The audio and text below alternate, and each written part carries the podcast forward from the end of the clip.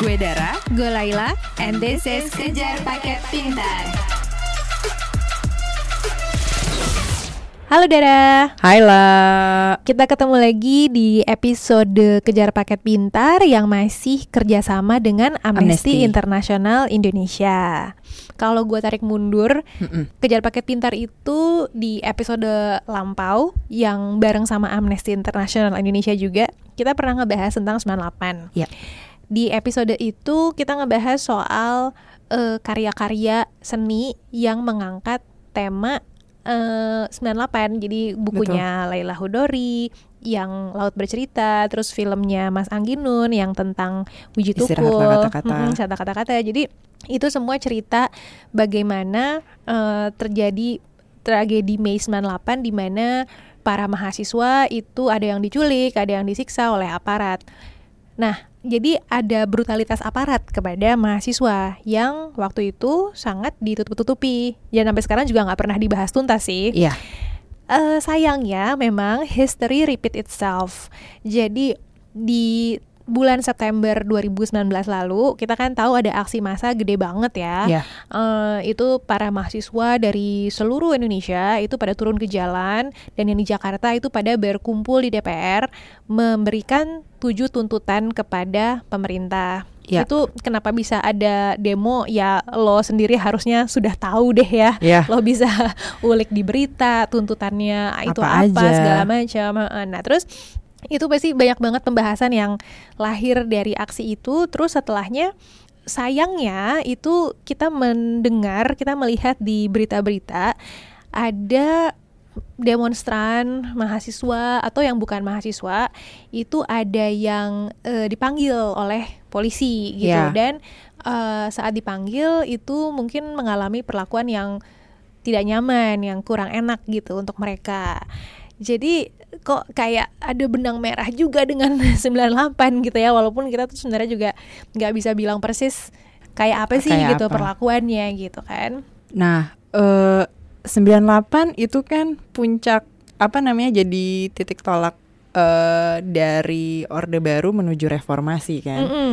Justru di 2019 ini terbukti hashtag reformasi di korupsi itu memang Mm-mm. terwujud nyata menurut gua dengan adanya penangkapan-penangkapan itu tadi Mm-mm. dan ketika reformasi kan harapannya negara ini lebih eh, maju ya terutama di urusan HAM-nya gitu. Nah, Mm-mm. justru di aksi eh, demonstrasi kemarin ya menurut gue itu ter reformasi malah diuji ma- memang jadi apa ya eh, yang su- diperjuangkan di 98 kok jadi malah mau ditumbangkan lagi gitu. Iya iya iya iya, betul betul betul. Mm-mm. Jadi em, memang sih. eh, jadi waktu September lo ngapain dar waktu itu dar? Gue itu eh, ada di rumah Mhm. Eh, eh, kebetulan bekerja dari rumah, jadi hanya melihat beritanya itu dari eh, ya WhatsApp orang-orang yang memang lagi eh, bekerja ke kantor, kemudian eh, dari Twitter gitu. Dan lo kan turun ya lah ya. Jadi pas September tanggal 24 ya kalau nggak salah itu ulang tahun Laila loh. Ya, Eh, sebelumnya, eh, 23 sebelumnya, tahunku. sebelumnya maksud gue. Jadi sehari setelah gue Ya, berulang ah, tahun tanggal betul. 24 itu gue ikut turun ke jalan ke Ya. DPR situ walaupun cuman sebentar sore-sore gue lumayan kena imbas gas air mata waktu itu. Eh terus ya udah jadi gue cuma sebentar banget kayak mungkin kayak sejam lewat Iya, gitu. Terus Untung gue gak apa-apa ya. untung nggak apa-apa gue sempat kena kehimpit masa juga sempat kena gas air mata. Terus ya udah pulang. Terus ya udah sih gue merasa kok kayaknya gue nggak ikut berpengaruh apa-apa ya gitu. Kayak hanya satu dari ribuan lautan manusia. Tapi ya but that's okay because um, that's the essence of aksi ikut-ikut aksi kan menyerap energinya gitu. Apalagi September 2019 itu adalah kayak momentum kembalinya gerakan mahasiswa setelah loh. yang gede banget. Itu kan tahun 98 Mei Iya. 98 itu gerakan mahasiswa gede banget. Setelah sebelumnya juga ada aksi di tahun 65 kemudian terjadi lagi September kemarin. Ya udah gitu. Um, I think it's a historical moment gitu. Tapi kita memang nggak harus berada di em, aksi itu untuk membuat impact. Di Contohnya lapangan ya. di lapangan tuh Iya. nggak kita nggak Iya. harus sih. Contohnya adalah Ananda Badudu. Betul. Siapakah Ananda Badudu? Nah, kalau gue sendiri eh, mengenal Ananda, Ananda Badudu tuh dia musisi gitu yang ba- ex personal Bandanera ya. Jadi Mm-mm. eh, gue pribadi hanya tahu dia sebatas itulah Mm-mm. di skena-skena indie lah itu yang Betul. itu yang gue tahu gitu. Anak-anak indie folk ya. Anak-anak indie folk eh, yang menurut gua eh, Bandanera sendiri apa namanya lagu-lagunya juga mungkin condong ke mungkin bukan ala efek rumah kaca yang eh, memang Blak-blakan. blak-blakan gitu tapi ada Blak-blakan apa nih? Blak-blakan ngomongin soal eh, misalnya orang sosial hilang politik. sosial politik gitu cuman ini mungkin ada melo atau sentimental tersendiri lah gitu gitu sih itu yang ku tahu dari Ananda Badudu gitu Mm-mm. dan kemudian eh, Twitter trending waktu aksi massa itu berseliweran di sosial media gua adalah ketika dia bikin crowdfunding lah Mm-mm, betul. untuk membantu gue ingat ada twitter dia yang eh, pertanyaan yang siapa aja yang butuh air minum gitu cepet reply di bawah sini gitu nanti Hmm. nanti kita bantu eh, cariin apa namanya mengirimkan bantuan logistik gitu jadi itu m- buat gue salah satu mungkin yang lo bilang nggak perlu langsung Turun hadir ke lapangan lapangan. ya Iya betul. Jadi Ananda Badudu itu adalah yang gue kenal juga itu kan Mm-mm. musisi setengah dari Bandanera yang sekarang sudah bubar. Ya. Tapi kemudian dia juga bikin proyek-proyek solo. Eh, tapi sekarang ini sekarang ini ya kalau kita Google nama Ananda Badudu itu kayak sampai dua atau tiga halaman pertama di Mm-mm. Google itu yang keluar adalah result-result Ananda Badudu penangkapan atau Ananda Badudu aktivis gitu. Malah ada Google autocomplete yang Ananda Badudu meninggal. Gue bilang kenapa kok meninggal sih? Jadi mungkin karena namanya Iya, terkait iya, iya. dengan pe- kontroversi gitu kan. Iya, apa sih iya. kontroversinya? Ya sebenarnya nggak kontroversial juga sih. Iya. hanya saat em, peristiwa aksi massa 2009 September 2019 kemarin Ananda Badudu itu menggalang dana untuk mendukung mahasiswa yang turun ke jalan. Sebenarnya mendukungnya juga dalam bentuk medis ya. Iya, Mayoritas medis. itu eh, dia pokoknya dia bikin crowdfunding lewat kitabisa.com terus hasilnya itu kebanyakan untuk medis. Jadi untuk ambulans, untuk iya eh, apa mungkin oksigen, obat gitu kan. Ada juga sih untuk air ya. air air minum Mm-mm. Nah, eh di episode kali ini gue dan Laila kita berdua mau ngobrolin mau ngobrol sama Ananda Badudu eh, bagaimana sih dia ikut andil dalam eh, aktivisme ini gitu. In- ini membuktikan bahwa aktivisme nggak selalu harus turun ke jalanan gitu dan kemudian dia mengalami orang yang mengalami langsung adanya upaya mematikan semangat demokrasi gitu di negara ini gitu Mhm. dengan ya dia ditangkap karena hanya menggalang dana Hmm, gitu. Kita belum bahas itu loh. Jadi buat yang belum ngikutin, Iya. eh, Ananda Badudu itu menggalang dana, terus kemudian Hmm. setelahnya dia ditangkap. Dia ditangkap sama polisi, ya ditahan sekitar lima jam gitu di Iya. kantor polisi, diinterogasi, dita- ditanya-tanya em, apa kamu dukungan apa gitu kan, Mm-mm. segala macam. Habis itu dia baru dilepas.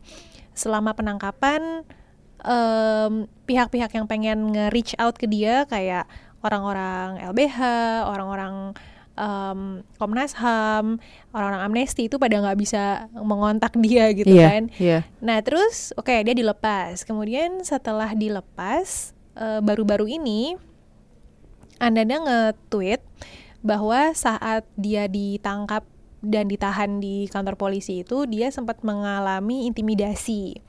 Intimidasinya ya kayak di apa sih di Dikeplak. dikeplak, di apa, di Dijambak dijambak ada juga tuh gitu waktu ya. dia menuliskan itu. Gue nggak tahu seberapa intens, gue nggak Mm-mm. tahu seberapa lama, tapi adalah intimidasi yang dia Di- alami. iya. Padahal ya, dan lucunya sampai sekarang sampai detik ini, baik Ananda, apalagi kita itu sama sekali nggak tahu dia ditangkap karena apa. Kenapa? Jadi mereka-reka si- aja ya. mereka-reka. Jadi polisi tuh nggak pernah nyebut kamu melanggar pasal apa gitu atau kamu em, apa gitu harus kena sanksi apa itu nggak tahu. Hmm, polisi sempat menunjukkan tapi tidak memberikan ya, hanya Iya. menunjukkan surat Eits, penangkapan, gitu. hanya kasih eh nih ngintip ya, nih oke ini ada ada nama lo kan, oke ya ini surat penangkapan lo ya, tapi nggak pernah betul-betul jelas untuk apa dia ditangkap gitu? Apakah apakah mengumpulkan uang dan menyalurkannya adalah sebuah pelanggaran pasal atau apakah, Apakah kena UU ITE itu karena juga dia nge-tweet nge-tweet karena dia dan nge-tweet, nge-instastory? tapi nggak tahu juga gitu. Betul. Kita nggak tahu. Nah, jadi di episode ini kita akan uh, Ngobrol. ngobrolin banyak uh, pengalaman dia apa sih yang dia dapat dari dari ya pengalaman uh, tahun lalu itu gitu. Mm-mm, mm-mm. Kita akan ngobrolin soal em, aksi penggalangan dananya dia, terus soal penangkapannya dan juga pandangan dia tentang aktivisme, tentang demokrasi di Indonesia ini. Yuk Yuk. kita ngobrol Ngobrol. bareng sama Ananda Badudu. bangun Sebab pagi terlalu berharga Untuk kita lewati Dengan tertidur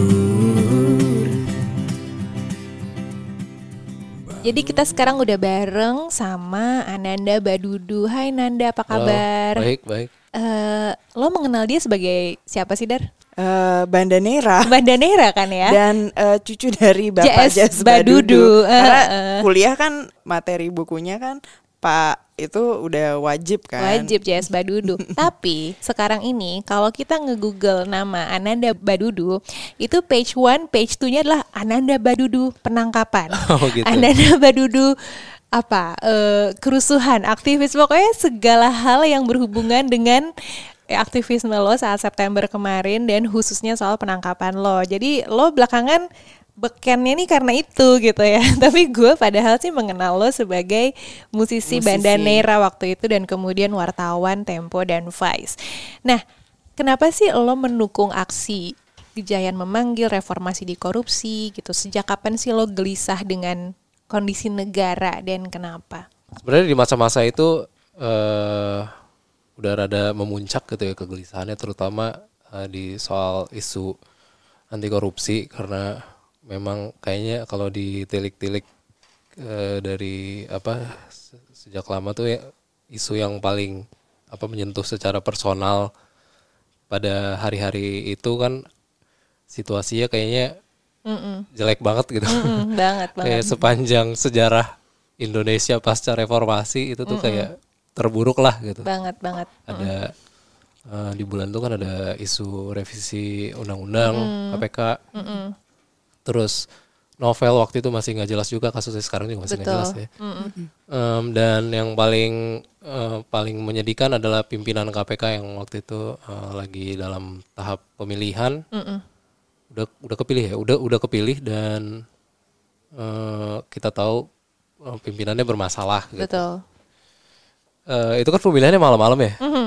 dan gue inget banget kayak ya udah oh, hari itu kayak nggak ada apa-apa terus tidur aja gitu kan bangun-bangun tiba-tiba ada berita eh, pimpinan KPK baru terpilih wow kapan ini pemilihannya ya Kapan kita kecolongan banget itu. perasaan semalam tidur deh Iya iya iya. dan iya. ternyata pemilihannya jam 12 jam 1 pagi gitu kan kayak buset Iya. keren banget deh DPR kayak bisa Betul, melakukan betul. manuver seperti itu Betul. bahkan mungkin eh, media juga agak kecolongan ya waktu itu ya Mm-mm. Keseluruhan revisi KPK, penetapan Pak Firly Bahuri ya sebagai pimpinan itu semua rasanya operasi senyap ya. iya iya iya Mm, Jadi mungkin iya mungkin ada yang menggodok, udah ada yang menggodok lama, tapi diem aja tiba-tiba jebret gitu. iya jebret dan jebretnya tuh jebret jebret jebret jebret gitu kayak Mm-mm, bertubi-tubi. eh, dan dan siapa pun yang merancang itu semua eh, di balik itu itu sukses luar biasa gitu Banget, dan banget. dan jadi kayak ya udah pas bangun pagi lihat berita itu di Twitter langsung kayak super bad mood abis gitu kayak anjir nih Mm. bisa seperti ini ya ke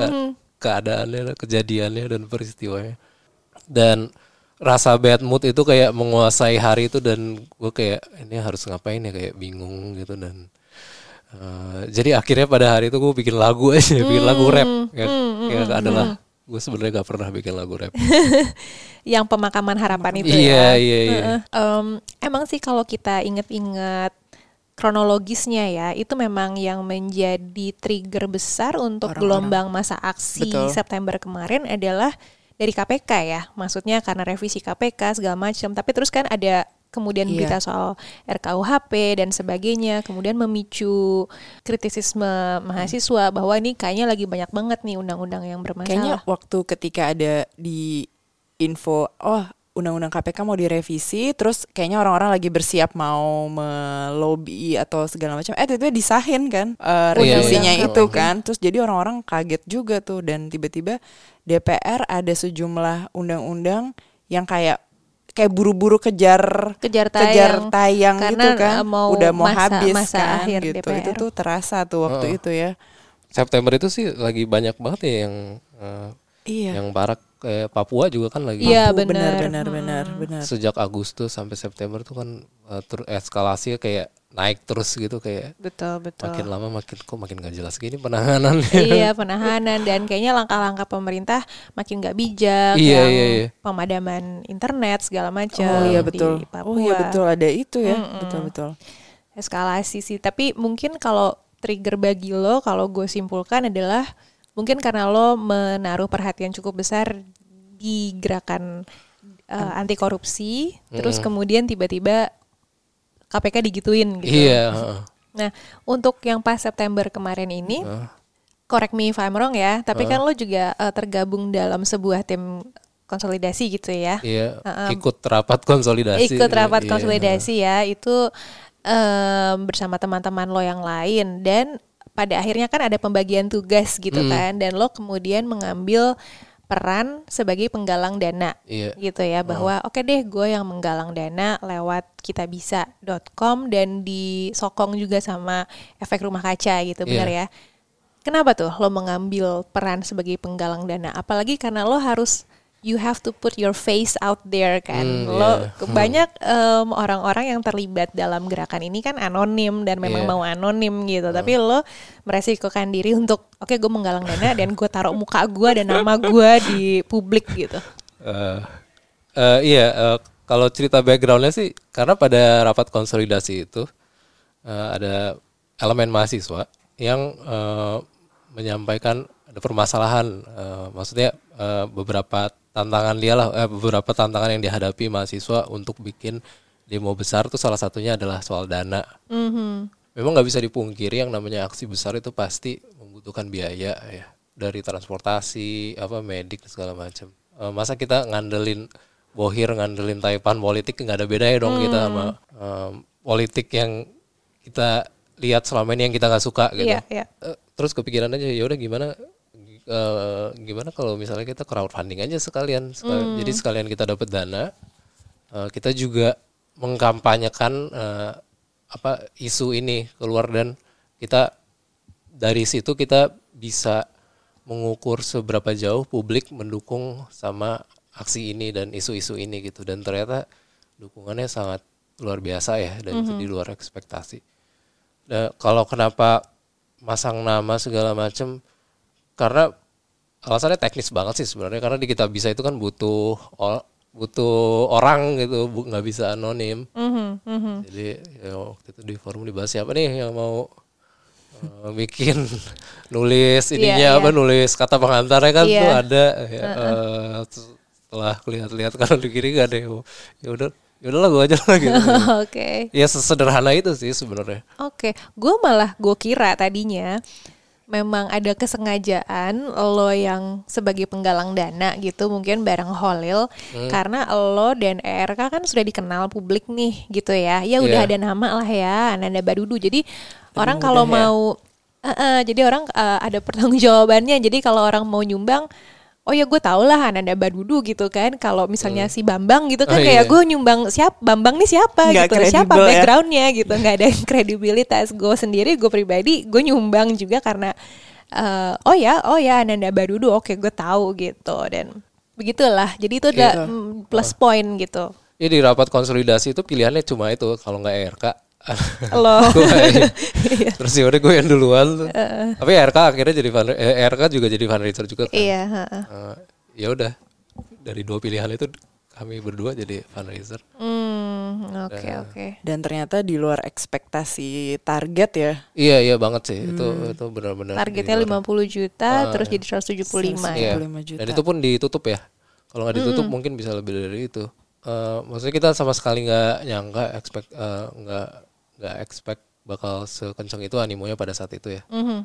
karena yang namanya crowdfunding untuk eh, aksi politik apalagi aksi politik yang unjuk rasa gitu Mhm. itu sangat jarang gitu kan Betul. bahkan mungkin ini eksperimentasi apa namanya Eh, eh, eh, sebuah eksperimen yang mau kita coba lah gitu Betul, betul. dan ternyata eh, dapat support yang luar biasa besar itu suatu apa ya satu dorongan moral lah buat semua orang yang terlibat sama aksi kemarin gitu Iya, betul.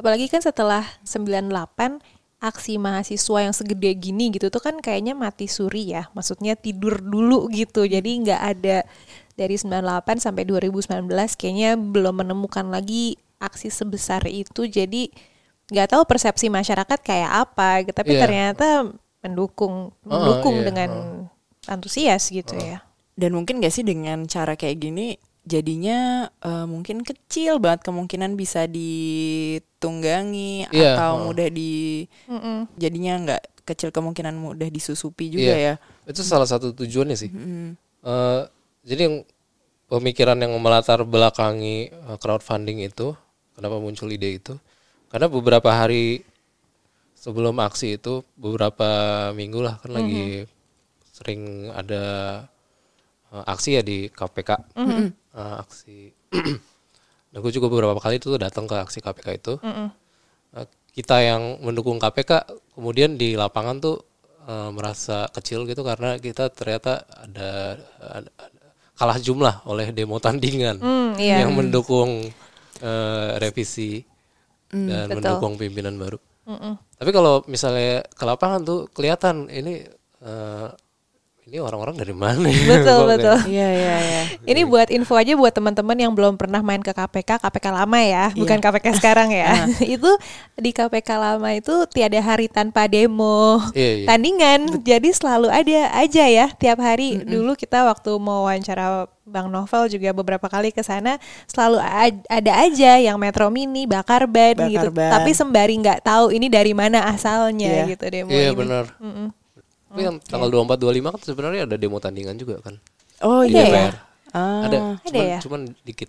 Oh, Karena udah oke. mulai udah mulai liar tuh kan, udah mulai banyak yang mainin isu-isu lain, betul. kayak gulingin Jokowi. Mm-mm, Oh, iya, isu-isu makar ya. Iya, heeh.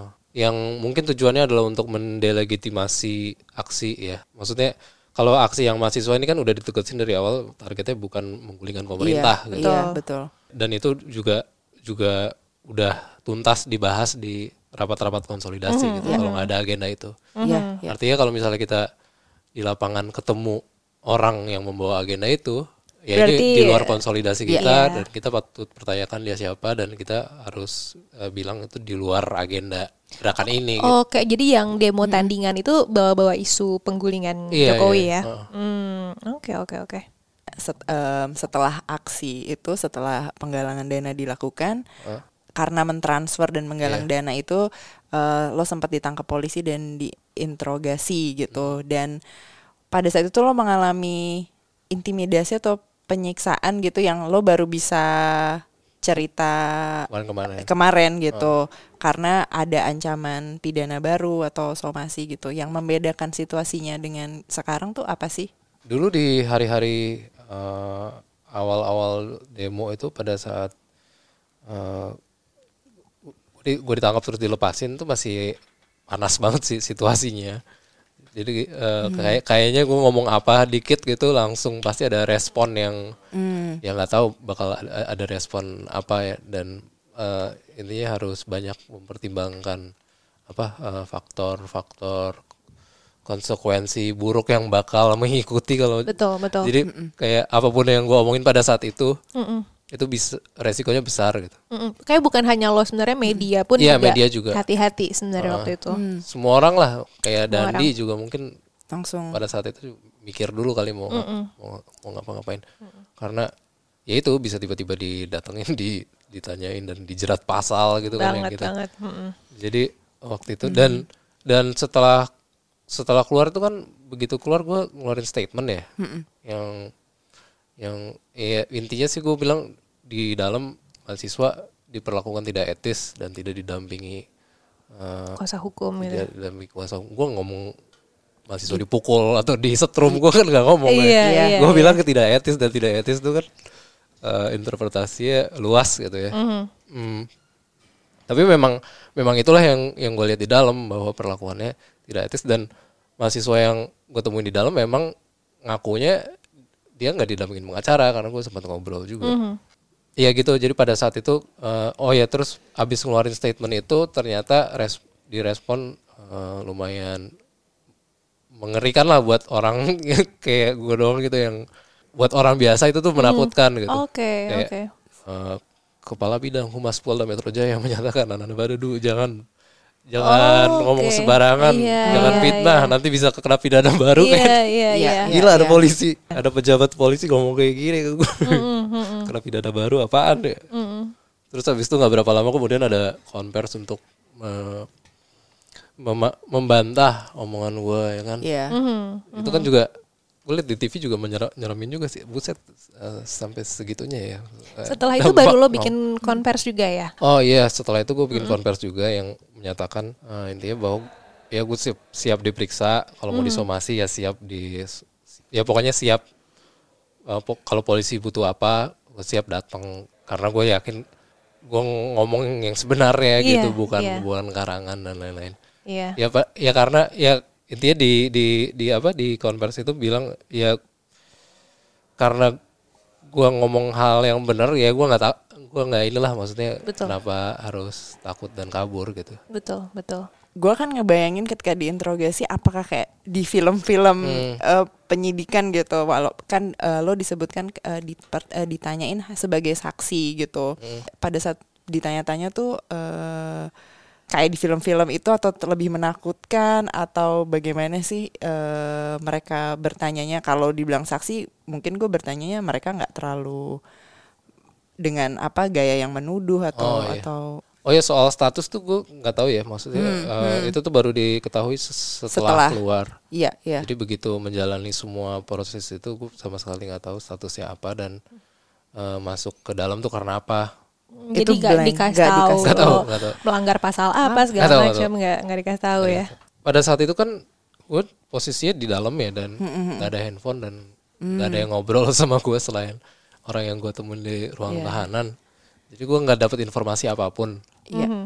Nah itu eh, apa yang terjadi di luaran tuh gue baru tahu setelah ngobrol sama teman-teman setelah keluar dari kantor polisi dan gue baru tahu kalau ternyata di hari itu tuh rame banget. Mm-mm, banget. Apa? banget hashtag bebaskan Hashtag, iya, Ananda sampai- Badudu Dudu, mm-mm. Sampai viral apa viral Twitter Di semua sosmed sih. Iya, heeh, dan begitu rame dan rame banget sampai sampai parah. Dan gue juga baru tahu kalau ternyata sejak pagi itu teman-teman eh, dari LBH, dari Kontras, dari Amnesty udah standby di bawah sebenarnya.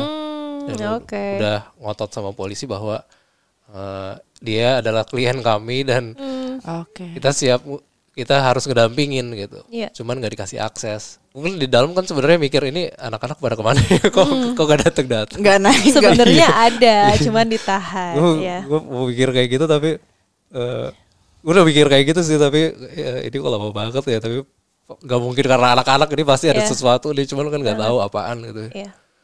Em, ya gitu ternyata di luar rame banget dan itu apa yang terjadi di luar soal kabar penangkapan yang viral dan eh, apa eh, tekanan dari eh, pasukan lawyer yang Mhm. udah dari resepsionis resop itu mempengaruhi situasi di dalam Oh, Oke. gitu. Iya. Kan lo juga sempat bilang di media bahwa uh, perlakuan polisi kalau berubah ketika tahu bahwa berita lo viral. iya iya Ya nggak sih? Jadi viral tuh kayaknya menakutkan gitu Itu viral atau mungkin kayak pandangan atau hukuman sosial tuh sekarang lebih mengerikan loh Iya. dibandingkan apa misalnya hukum atau pasal. Ini belok sedikit gitu ya Iya, kalau iya. kita ngobrol sama aktivis kekerasan seksual pada perempuan itu makanya kayak pelaku-pelaku kayak gitu lebih takut di shame di Public. sosmed gitu atau kalau viral gitu dibandingkan diancam-diancam misalnya gitu. pada saat pada hari itu kan gue nggak tahu ya ini kok makin siang makin pada ngobrol ngajak ngobrol oh gitu makin Makin ramah. Bad- eh good copy jadi makin banyak gitu. oh oke oke oke Ini kenapa ya? Eh, baru baru itu tuh baru kayak baru tahu kenapa tuh setelah di luar eh, setelah keluar ngobrol sama banyak banyak teman-teman dan mereka ngasih tahu di luar tuh situasinya kayak gini loh. Hmm. Sekarang ada kejelasan nggak kayak status lo tuh apa sih atau apakah ada akan ada pemanggilan lanjutan segala macam? Mudah-mudahan nggak ada pemanggilan Enggak lanjutan ya. sih. Enggak sih nggak dikasih tahu statusnya apa. Nggak ada Pokoknya ya? Hmm. waktu keluar tuh dikasih tahu eh, oke ya clear ya gitu udah. Oke. Em, apa eh, kal- eh, statement lisan itu. Hmm, Oke ya clear ya artinya apa ya nggak tahu. Di dalam memang em, kemudian dikasih tahu bahwa salah salah satu alasan kamu di ke sini karena ini nih eh, eh, mahasiswa UIN jadi disuruh duduk sebelah kayak. Hmm, Kenal ada nggak gitu ya? salah Kenal satu nggak? mahasiswa UIN yang yang ditangkap juga Dulu waktu ya. itu. Iya, gitu. kenal nggak? Saya bilang ya ya kenal sih dia kenal di WhatsApp gitu ngobrol-ngobrol di WhatsApp terus baru ketemu hari itu juga terus ditanya ya kamu transfer duit kan ke dia iya iya transfer eh, 10 juta iya dan itu semua di ya aku sampein sebagaimana adanya gitu ya Iya. Em, ya pokoknya sempat memang benar sempat jadi saksi tapi juga mau diperiksa untuk kasusku yang aku nggak tahu apa, Apa? gitu. Iya, iya. Oke. Nah, begitu mau masuk penyidikan yang untuk yang kasus yang Nggak kasusku ya satu lagi, aku eh, selalu ngerespon dengan saya nggak mau eh, nyampein apa pun sebelum ada pengacara. Iya. mm-mm. Iya, iya karena yang seperti sebagaimana yang gue lihat di film-film. gitu. Betul dong, itu betul. itu Jadi pelajaran dari film-film. Mendidik juga gitu. Talk to my lawyer Iya. gitu kan, jangan sama gue, betul. Karena kita punya hak gitu kan. Iya iya. Tapi di lapangan ternyata tidak semulus di film-film. Terus Berbeda ya? iya, agak, agak berbeda. Eh, selain berbeda juga sebenarnya psikologisnya juga berbeda Oh, gitu. iya, iya. Sangat nggak segampang seperti yang di film-film pasti Iya. kan. Iya. Psikologisnya kacau sih kacau. Tapi kalau boleh Iya. nambahin ini sedikit gue baca di media juga itu statement dari Mbak Asvin dari YLBHI kalau kita bicara soal hmm, penangkapan tapi nggak ada pendampingan kuasa hukum segala macam. Memang berdasarkan catatan akhir tahun YLBHI 2019, seenggaknya ada 56 kasus dengan jumlah korban mencapai 542 orang yang mengalami pelanggaran HAM karena disiksa serta di diperlakukan dengan tidak manusiawi di apa namanya di saat penangkapan gitu lah polisi ya. 500 nih. 500 tuh banyak banget loh. itu yang terdata ya. itu yang yang terdata. terdata. eh, eh. Dan terus em, satu hal yang menarik juga buat gue, Mbak Asvin bilang bahwa dia bilang seingat saya ada masa di mana Lutfi Alfiandi yang ditangkap itu nggak didampingi oleh siapa pun. Kuasa hukum susah masuk, YLBHI juga nggak bisa menjangkau. Di dunia mana pun, biasanya orang yang nggak bisa ditemui itu terindikasi habis disiksa. Dan menurut em, Mbak Asvin, sudah sepatutnya Lutfi harus langsung dibebaskan tanpa syarat apabila polisi terbukti melakukan penyiksaan gitu. Jadi memang Bukti ini gimana sih? Nah, Sulit, makanya sulit, sulit. kan membuktikannya bagaimana. dan polisi gitu. bilang kalau misalnya oh misalnya Nanda atau Lutfi em, ada keluhan saat. Penangkapan ya lapor aja ada prosedur tapi Iya. lapor ke polisi juga Iya. gimana Iya, ke itu dia. lah muter-muter lagi ke situ Sebenarnya mereka nggak susah lagi kalau mau cari buktinya kan. Kalau misalnya ada CCTV. CCTV di sana, iya bener cuman kan CCTV-nya kemarin dipilih kayak Iya. scene pas lagi makan soto ya dipilih dikeluarin di konversi. iya makanya itu makanya Maksudnya dia dia juga yang lah dia, dia juga gimana karena nggak ada ini ya check and balance eh, si polisi tuh prosedur ini udah benar atau belum Iya. tuh di siapa tuh entah ya. iya Eh, iya emang emang di dalam tuh ada scene lagi makan soto memang ada. memang, memang ada. Tapi itu kan Dari sekian 15 menit dari sekian Iya. jam. ada sin-sin yang lain juga gitu Iya. kan Coba dikeluarin semuanya coba. betul Dari awal sampai akhir. Terus- baru kita taruh di. YouTube baru kita. iya. Terus Mbak Asvin ini juga eh, yang menarik juga adalah eh, YLBHI sebenarnya mendorong supaya pemerintah bersama DPR menggodok regulasi yang menerapkan sistem habeas corpus namanya. Jadi sistem habeas corpus ini sistem hukum yang udah berlaku di Inggris sejak berabad-abad lalu sebenarnya. Jadi dengan habeas corpus polisi harus menghadirkan tersangka di depan hakim sekaligus membeberkan alasan penangkapan sekurangnya satu kali 24 jam. Jadi alasannya orangnya tuh dibawa ke hakim supaya kelihatan dia bonyok atau enggak. Jadi ketahuan ya? orangnya kalau dia disiksa tuh ketahuan gitu. Jadi harus dalam dalam waktu satu kali 24 jam setelah penangkapan harus langsung dibawa ke pihak luar selain polisi gitu. Nah, lo kan memang ditangkep ya, tapi sisi baiknya menurut lo lo me, me- lo gain momentum nggak? Karena eh, minimal dengan penangkapan lo gitu, perhatian publik tuh jadi mm, jadi tahu tentang misalnya impunitas atau pelanggaran HAM on top of isu reformasi di korupsi ini. Em, untuk orang ke- ini gue dengar cerita dari orang-orang ya. Untuk orang biasa gitu mendengar seorang misalnya Dandi Laksono gitu, di- ditangkap oleh polisi untuk di, di dimintai keterangan tentang tweetnya dia. Mungkin seorang orang biasa aja gitu karena ini Dandi Laksono dan dia filmmaker, watchdog, Iya. emang nyentuk eh, kerjanya nyentil-nyentil Emang kekuasaan. galak gitu ya, galak, galak ya. gitu dan politis banget gitu eh, dan apa eh, sangat berani gitu. semua nama pejabat disebut gitu. Dan, kesalahan-kesalahan pejabatnya disebut juga. Kayak eh, oh ya udah ya udah emang dia kan aktivis gitu. Kayak kurang apa kurang terusik gitu. Tapi begitu eh, gue yang ditangkap wah Bandanera lagu Lagunya kan Lagunya slow sampai slow jadi debu. orangnya kurus gini Salah apa dia gitu sama kan? sekali nggak nggak kelihatannya nggak mengancam sama Iya, sekali iya, gitu iya, kan iya. ditangkap yang kayak gini yang ditangkap Paham, paham. polisi Eh, perasaan terusiknya tuh lebih tinggi gitu loh daripada kayak Dani Laksono ditangkap Hmm.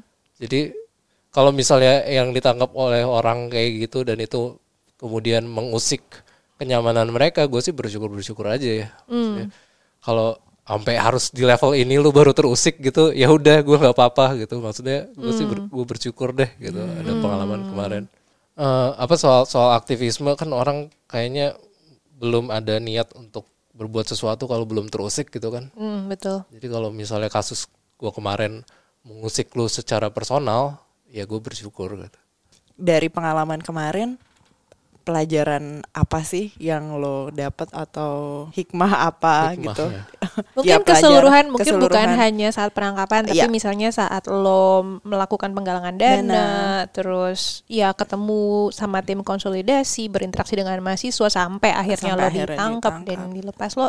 Mungkin pasti banyak ya, tapi apa yang nempel di lo? Yang paling nempel sebenarnya pengalaman pasca ya, pasca penangkapan, tapi masih ada kaitannya juga, yaitu soal em, peng- apa namanya em, penyaluran dana. Jadi setelah gue ditangkap tuh kan sebenarnya masih ada sisa dana ya, dan itu gede, ada 70 juta apa kalau nggak salah. Dan itu tuh gue baru on sosmed lagi, maksudnya baru pegang handphone lagi bahkan baru pegang rekening, baru pegang apa segala macam itu kayak selang dua tiga minggu lah setelah penangkapan. Jadi itu tuh sebenarnya situasinya udah reda. Eh, terus gue masih ada 70 juta yang harus disalurin. Oke ini ke mana nih? 70 ya? 70, Gede banget banyak. ya. Hmm. Dan eh, akhirnya setelah diskusi sama teman, oke ini mau ke mana? Salah satu keputusannya adalah ini kita salurin buat sebagai dana duka buat ke keluarga korban. Dalam proses penyaluran itu eh, kita jadi nemuin satu-satu gitu setiap keluarganya. Dan eh, pro- proses itu sih yang wah anjir kayak ngobrol sama orang yang eh, orang yang kehilangan kakaknya karena Aksi kemarin. aksi kemarin dan kita jadi tahu cerita-cerita detailnya gitu yang yang yang sebenarnya gue pengen banget kayak ngomong bebas ke orang-orang iya. gitu cuman ini kan cerita orang ya nggak bi- Sulit nggak ya. bisa kayak Eh, dan ketika eh, tahu detail-detailnya makin inilah apa kayak wah anjing ini harusnya hmm, kayak jiwa jurnalis gue tuh bergejolak gitu kayak ini sebenarnya kalau mau diusut gampang nih Oke. Oke, oke, oke. kayak ya udah eh, ke- kejadiannya kayak gitu terus eh, ya udah ini kalau mau diusut tinggal ke sini ke sini ke sini ke sini kayak udah kebayang lah gitu Hmm, hmm. Eh, Jadi lo personally nyamperin ya lo dan teman-teman Iya, iya. personally nyamperin Iya. keluarga ini satu persatu. iya Ini dan mereka yang anaknya atau anggota keluarganya wafat atau terluka atau yang yang meninggal meninggal. Iya. Oke. pulang dari itu tuh kayak Pasti lo kepala lo kayak ya terlusik banget sih. iya maksudnya secara secara langsung tuh jadi apa ya eh gue makin ngerasa harus ya seberapapun eh, putus asanya gitu dengan situasi sekarang ya ini tetap harus jalan gitu maksudnya eh, usaha-usaha ini perjuangan-perjuangan ini tetap Jangan harus jalan gitu sini. karena ada banyak kejadian lain ya ada ribuan kan kalau di Indonesia yang masih belum belum Selesai. belum selesai sampai sekarang Mhm. kalau misalnya dibiarin terus menerus ya nggak akan ada nggak akan ada perubahan nggak akan ada yang dikoreksi gitu nggak akan ada. Kalau selalu ada permissiveness memang history will repeat, Repeat itself. iya Mhm.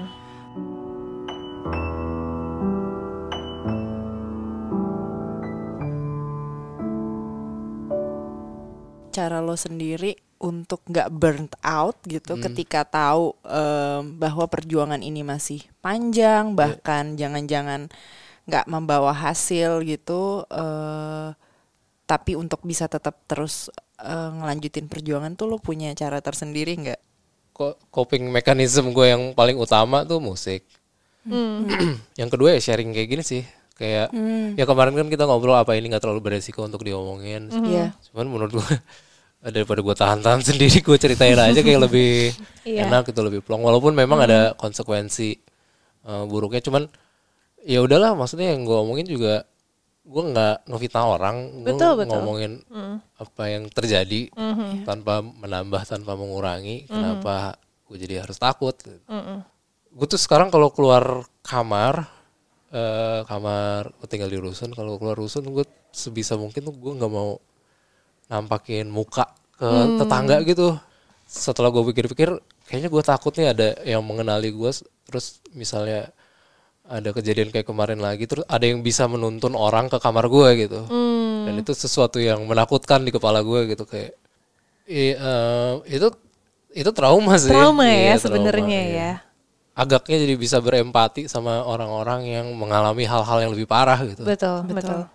kayak misalnya yang kita baca-baca di buku sejarah gitu yang soal 65 Mm-mm. atau misalnya Soal 98 dulu ya. 98 atau misalnya apa yang sekarang sedang dialami sama saudara-saudara kita di Papua gitu Eh, situasi lebih buruk lagi karena mereka benar-benar eh, nggak bisa cerita dan cerita mereka nggak terangkat Betul. Nah, gimana sih kalau menurut lo ya, gimana sih cara kita memelihara empati supaya kita bisa terus peduli dan punya kegelisahan terhadap situasi negara karena punya kegelisahan kan it's a, it's a good thing sebenarnya Oh, ya iya. supaya kita terus kritis karena nggak semua so gini waktu September kemarin mungkin kegelisahan orang tuh intens tapi kemudian turun. Terus kemudian mungkin nanti kapan naik Oh, lagi iya. turun lagi.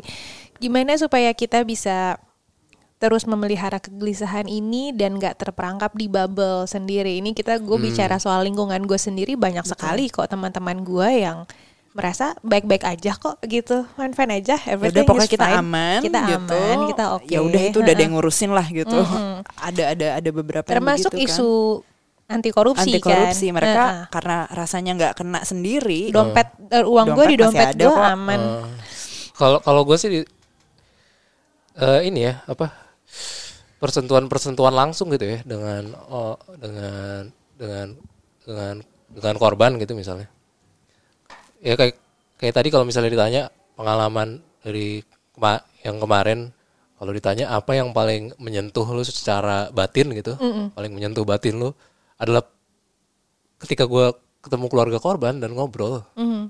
Apa ya pulang situ tuh dampak psikologisnya gede banget kayak Iya, iya. ah fuck Iya, iya. Ketemu papayan ya. Berasanya gimana? Waktu kita ketemu sama papayan yang anaknya nggak balik heeh. diculik pas 98 gitu. Heeh, itu satu aja dan Itu- ini gimana lo yang ketemu banyak keluarga dan ter- kejadiannya sangat recent gitu. Iya gimana sama orang-orang yang kerja di LSM yang Itulah, hari. Iya kan? itulah, heeh. Pasti beban psikologisnya gede tuh. Tapi ya itu maksudnya yang paling kena ke batin tuh itu sih persentuhan langsung ya. Hmm. Eh ya kan orang sekarang banyak bilang dengan internet kita udah bisa kok jadi aktivis kayak nyumbang di crowdfunding kemarin aja reformasi di Iya. korupsi kita udah berkontribusi. Iya bener kontribusi. Tapi apakah itu meng- mengusik batin lu mungkin enggak. Iya. Itu eh, eh, mungkin memenuhi ego kita untuk ikut kontribusi ya. Betul. Tapi ap- sampai di level mengusik batin tuh kayaknya belum gitu. It make us feel good gitu ya. Oh, Iya, kita iya, udah iya. berkontribusi, tapi Iya. Tapi ya apakah kemudian ke- ke- kegelisahan itu bisa terpelihara dengan cara collectivism? Ya enggak gitu. Hmm. Karena eh, itu cuma ya itu it, it makes you feel good, but tapi batin lo tuh masih nyaman aja gitu. Tapi begitu lo keluar dari apa eh, dari sehari-hari lo gitu misalnya terus ketemu orang-orang baru dan ketemu orang-orang yang apa ya istilahnya te- tertindas gitu Ya. dan punya interaksi langsung itu pasti ada dampaknya lah kalau gitu secara pribadi. Jadi gue gue menyimpulkan em, empati itu bisa muncul kalau kita ada inisiatif untuk apa ya go out from our bubble gitu ya. Iya. Mungkin memang harus bertahap ya ketika memang awalnya eh, lewat online ngedonasi tapi jangan cukup puas di situ Iya. ya kayak Heeh. Oh ya, gue mau cerita soal ini soal korupsi kenapa begitu. Iya, Salah satu betul. hal yang kenapa Iya. begitu mengena. Jadi di di gue dulu sempat ngekos di pasar Minggu. dan kosan gue tuh bentuknya rumah gitu dan dia ada di se- sebuah perumahan. Dan suatu hari gue inilah apa eh, beli sate lah di eh, sate lewat-lewat gitu dan sama teman-teman nongkrong gitu deh. Terus karena beli sate tiga kan jadi rada lama tuh tiga porsi karena tuh lagi sama teman bertiga. Terus jadi ngobrol-ngobrol sama tukang satenya, tukang satenya udah rada lama lah di situ. Terus dia ngejelasin, oh eh, ngekos di mana? Itu pak di situ. Oh di depannya pak ini ya. Oh, eh, ini kan pak dulu pernah di KP, eh, pernah di penjara. Oh, oh gitu kasus apa Oh, pak? oke. Itu tuh kasus KPK. Oh gitu pak, kasusnya apa ya? Oh. Lalu pokoknya dia ceritain kasusnya Rudi Rubiandi nih. Ah, oke. mm. Itu rumahnya di depan kosan gue persis. Hmm. Dan Terus lo baru tahu nih. Iya baru tahu dari tukang sate itu tuh abis abis eh, ngobrol sama dia gue googling kan Kayak, em, dan salah satu hal yang mencolok di kasusnya Rudy Rubian ini tuh alat buktinya barang buktinya eh, salah satunya itu eh, motor-motor gede motor-motor klasik BMW lama dan motor yang gue lihat di Google itu adalah motor yang di depan kosan lo. suka parkir di kosan gue Oh, jadi kayak dia garasinya sempit gitu jadi suka parkir di di Di kosan lo. di- terus gue lebih lihat komputer itu kan kayak anjing ini kok barang bukti bisa ada balik ke dia lagi Ya Kayak, ampun. Iya iya iya. apa yang terjadi Iya. Betapa anehnya gitu betapa ya. anehnya dunia ini gitu. emang dia udah bebas tapi kan ya maksudnya jadi lucu aja gitu kan hmm, ini udah disita KPK beritanya juga disita KPK dan fotonya sama dan motornya sama Tapi ini udah baik lagi, bahkan udah depan mata lo. iya kayak di, de- di kosan gue men Iya. oh fuck inilah korupsi Iya, jadi lo melihat lo terusik bahwa sistemnya kok gini banget sih gitu. Iya, ya. iya, iya, kayak, Oke, hmm, oke, oke, oke. Jadi itu sih tadi gue juga ada salah satu pertanyaan gue adalah em, isu di isu yang fucked up gitu ya di negara Ah. kita tuh kan banyak ya. Ada seribu satu masalah kita di negara ini dan kita nggak bisa turut andil atau em, apa fokus ke semuanya gitu. Iya, We iya. have to choose our battle. Iya, so iya. what battle do you choose? Hmm, kemarin sih kalau ditanya gitu aku bilangnya anti korupsi Mhm. Tapi sekarang kalau ditanya kayak gitu eh, soal demokrasi sih Hmm, Oke. Oh, jadi eh, demokrasi kan juga luas ya Mhm. Em, tapi ya Secara ya- umum lo melihat negara kita emang demokrasinya kayak gimana? Karena kalau kalau secara awam ya, Hmm. oh ya Indonesia adalah negara demokrasi gitu kan. Tapi lo melihatnya emang demokrasi kita kayak kayak Yep. gimana sih setelah ini nih setelah September ini lagi khususnya? berdasarkan pengalaman gue pribadi yang pernah di didatengin polisi pagi-pagi buta saat gue tertidur Iya iya. adalah sebuah kemunduran Oke. karena sebagai warga negara ya eh, sepanjang gue hidup di Indonesia baru kali inilah ngerasa benar-benar takut gitu maksudnya takut sa- takut takut sampai ya resiko lu bisa ditangkap itu bener beneran gitu Mhm.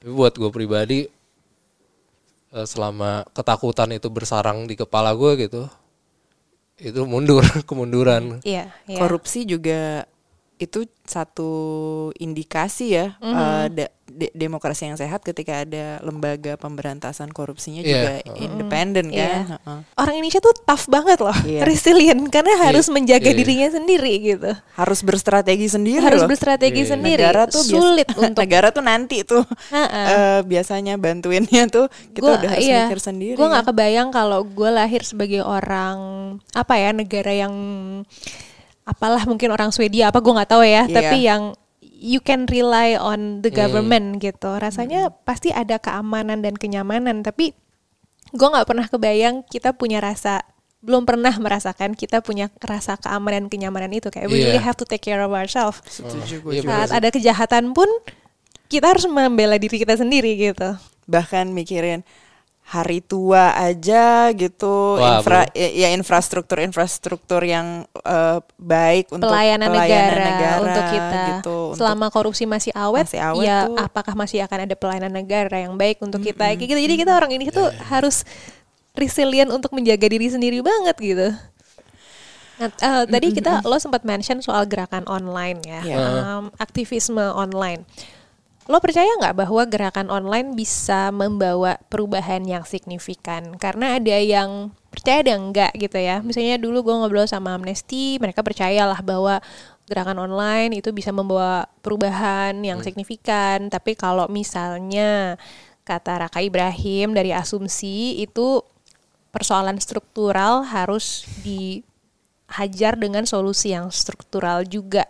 Jadi walaupun ada kampanye seviral apa pun di medsos atau ada em, petisi seramai apa pun itu ya mungkin paling banter mengangkat perhatian publik aja lah gitu. Tapi permasa pe- persoalan strukturalnya sebenarnya belum terjawab. Apalagi rezim ini kayaknya kan keras kepala banget ya, keras kepala banget kayak "Eh, batalkan revisi uh, KPK nggak satu ngaruh. Indonesia demo nggak Satu ada. Indonesia Nggak ngaruh gitu. Maksudnya kemarin kayaknya keras kepala banget dan bahkan kalau kita bicara soal KPK makin vulgar pelemahan Vulgar banget, vulgar parah. banget kayak ini Sengaja. kenapa nggak ada Sengaja alus ya. Maksudnya, tiap rezim tuh pasti ada dosanya ya Tapi ada gua yang masih memperhalus lah ya. masih perhalus Ini- rezim ini tuh gitu ya kayak nah nggak nggak kena Nggak gitu, kena. kena. Sorry banget nih yang Harun Masiku kemarin PDIP nih kayak deh gitu kan. Dah. Jelek gitu. banget ya skenario ya. gue suka diseleksi kayak antara harum manisku atau Harun Masiku lo suka ya? ketukar. Iya tapi baik lagi kayak gitu gitu bahwa pem- rezim ini kan keras kepala sekali ya gitu. Eh, Gimana ya pergerakan online tuh bisa membawa Bisa. pengaruh nggak sih?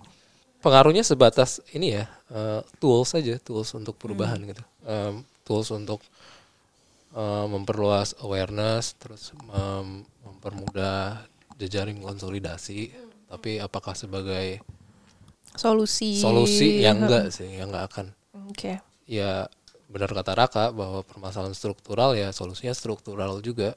Kita kita nggak bisa ngomongin em, kita nggak bisa ngomongin misalnya sejauh mana eh, demokrasi kemudian menjadi saluran utama aspirasi warga kalau misalnya undang-undang partai politik undang-undang pemilu kita masih kayak yang sekarang. Mhm.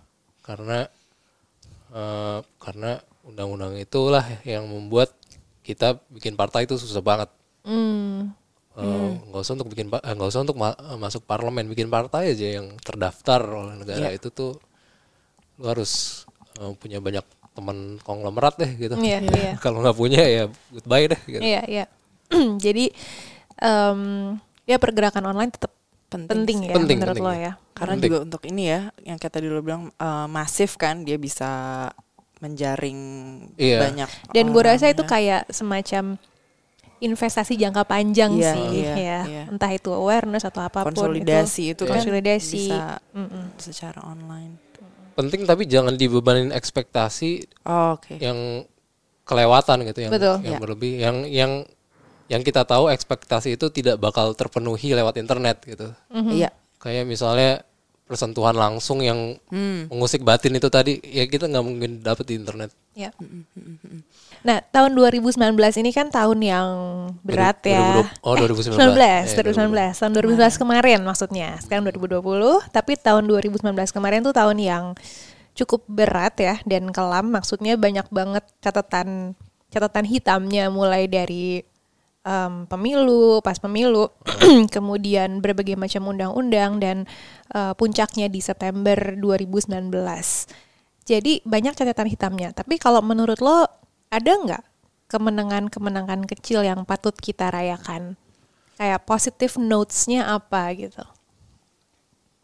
kemenangan kecilnya ya bisa konsolidasi itu sih konsolidasi nasional ya gitu Iya, ya. iya. Walaupun isunya sangat beragam lintas isu dan lintas kepentingan tapi bisa dimampatkan di satu dua hari itu gila sih. Eh, tapi dalam hal dalam hal apakah gerakan kemarin sudah mencapai targetnya kalau misalnya dilihat hari ini dinilai hari ini jauh banget Hmm. bahkan mungkin tujuh tuntutan itu sekarang udah Kayaknya belum ada yang tercapai ya? nggak ada Belum. Nggak ada, belum Nggak ada ya dari tujuh ada. itu. Dari tujuh belum ada. ya mungkin ada perasaan kayak gitu tapi eh gimana ya mengatasinya ya kita itu kita harus harus evaluasi sih kemarin kayaknya belum ada deh evaluasi besar-besaran. Hmm. maksudnya yang yang yang secara wacana yang yang memikirkan apa eh, dari segi wacananya gitu ya.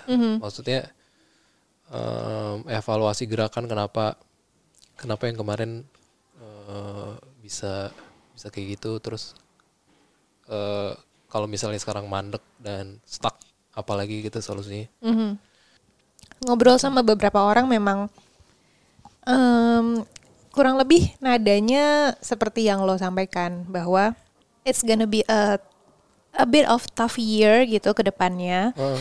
Em, karena pemerintah kayaknya kok nggak bergeming gitu ya Eh, dan bahkan 2020 itu kasarnya tuh bilangnya kalau aktivis mau rehat rehat dulu deh tahun 2020 gitu misalnya kalau pas Sekolah kalau dulu deh. sekolah dulu gitu kan. Karena ya, kita harus mengatur strategi dan kayaknya kalau tahun 2020 masih mau ngegas kayaknya ini pemerintah kayaknya masih masih masih keras kepala gitu kan. Jadi memang kalau mau realistis kayaknya pandangannya seperti itu ke depannya. Tapi tadi seperti yang gue tanyain kalau tapi sisi positifnya apa ya? Ada nggak sih sisi positifnya? Tadi menurut kata kalau kata lo adalah tercipta konsolidasi konsolidasi ya di 2019 itu. itu sih positifnya Mhm, mhm. dan itu harus bikin optimis Iya. karena September kemarin membuktikan bahwa ternyata eh, lewat internet gitu Mhm. lewat jejaring eh, WhatsApp gitu kita bisa bikin konsolidasi nasional Mhm, betul. dan merumuskan tuntutan dalam waktu yang cepat loh itu cepat banget loh Cepat, cepat. lima tujuh berubah Iya. jadi eh, rapat konsolidasi kan banyak ya pasti.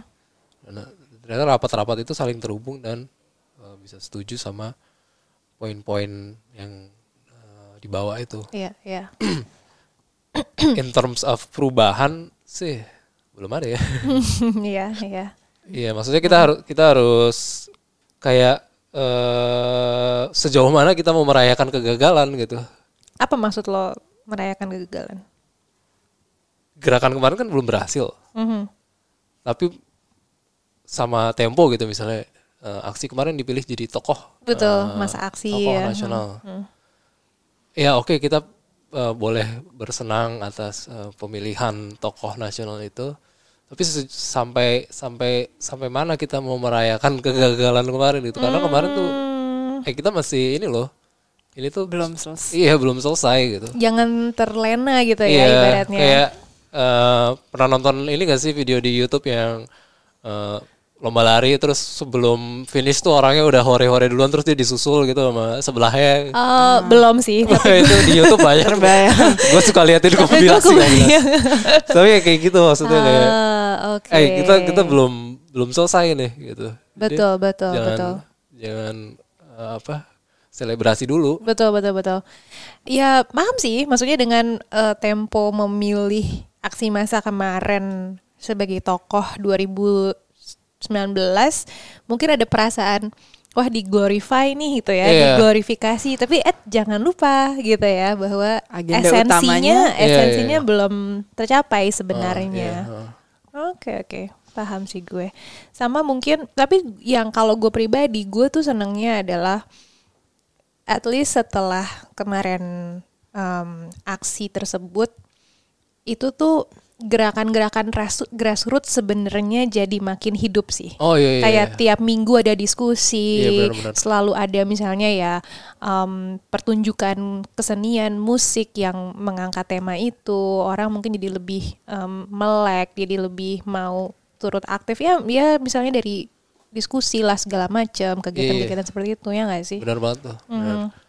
Eh, o- orang jadi lebih ini ya apa kayak lebih lebih yakin untuk resist gitu, lebih yakin kayak misalnya selama dia yakin dia bener dia ya udah kayak kayak kita lihat Taman Sari gitu. Mhm. Oh, Iya benar. Ya kan maksudnya digusur ya mereka eh, nggak terima dan mereka Iya. ngelawan gitu. Iya iya. mhm. Karena mereka yakin ini secara hitam di atas putih pun belum selesai gitu urusan Betul, hukumnya betul. gitu. Iya. Jadi kayak eh, orang-orang lebih lebih berani untuk protes gitu ya. Iya, lebih berani protes dan gaungnya juga gua rasa jadi Iya, kayak iya. lebih lebih besar juga gitu. Gua nggak tahu ya, mungkin pemerintah mungkin juga nggak memperhitungkan bahwa setelah aksi kemarin ada api-api kecil di masyarakat yang tumbuh gitu. Iya. Walaupun kecil-kecil tapi banyak dan konsisten. Mungkin pemerintah agak menyepelekan ah ya udahlah paling ya aksi sehari dua hari udahlah paling demo berapa jam udahlah tapi sebenarnya itu kan menumbuhkan api-api kecil di masyarakat gitu Iya. ya. Rencana lo sendiri melakukan ada nggak sih melakukan aktivisme lewat musik gitu kan? Oh. Lo sendiri kan Iya. eh, berangkat dari situ juga kan? Ini jadi eh ya udahlah ceritain aja. Rahasia Iya. Wah, ada ya, ini ya, ada project baru ya. Nggak rahasia. Cuman gue selama ini setahunan kemarin tuh eh, fokus sama album yang lagi dikerjain. hmm, Eh, yang eh, lagi mau sekarang tuh lagi masuk eh, tahap eh, rekaman lah gitu yang udah. berarti proyek solo nih berarti Iya solo. Hmm, Eh, tapi itu dari segi tema dan apa eh, konten apa segala macam itu udah udah ditetapkan sejak sebelum ada kejadian su- ini Oke. semua gitu Iya, jadi kayak iya. oke eh, dan eh, kayaknya apa namanya eh, kayaknya eh, ya udah itu tetap jalan aja kayak gitu. Tapi eh, sekarang sih apa ya eh, dari pengalaman kemarin kayak gue kan udah lumayan lama ninggalin dunia jurnalis ya kayak benar-benar ninggalin tuh benar-benar nggak nulis gitu. Kayak udah setahun terus ini kayak muncul ke eh, kerinduan gitu ya kayak kangen gitu kayak nulis lagi Iya gitu, dong, nulis liputan lagi dong. iya kayak, Lo aduh. kan dulu di Tempo dan Vice ya lo ya aduh, sempet ya. parah banget sampai bisa nggak nulis sama sekali Nulis dong. Apalagi tuh akar lo gitu. Lo waktu di mahasiswa kan juga pers mahasiswa ya. Iya, oh, kayak udah kelamaan ninggalin terus ada perasaan kangen itu dan kayaknya abis beres album ini ingin ingin ingin ke sana lagi apa maksudnya ingin nulis lagi nggak ya nggak tahu sih bentuknya apa dan ya pokoknya ya ya nggak tahu sih bakal jadi apa cuman intinya kangen Men- ke lapangan Nulis ya. Iya dong, iya dong. menulis lagi gitu Mm-mm. Maksudnya sebagai freelance pun juga sekarang banyak banget em, media yang menyalurkan Oh, gitu. iya sih, banyak. banget. Iya, ditunggu loh tulisannya. Biar jadi pressure gitu ya. Kita tunggu album dan tulisan, Dan tulisan Nanda ya Betul 2020 ini. Oke, thank you so much ya Iya, Nanda. sama-sama. Itu Nanda, kayaknya obrolan kasih. kita sama Nanda Budu- Badudu hari ini dan banyak banget info-info yang menarik, kesimpulan-kesimpulan yang menarik kita dapatkan hari ini. Betul. Semoga ini bukan pertemuan pertama dan terakhir. Ya, semoga Oh. kita ketemu lagi ya next time ya. Oke. Dara ada yang mau ditambahin?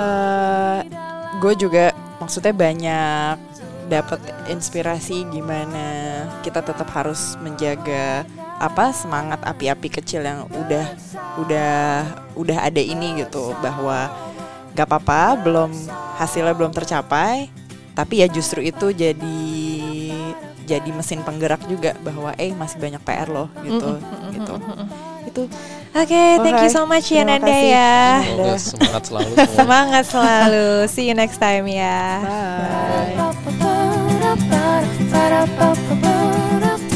Ba-da-ba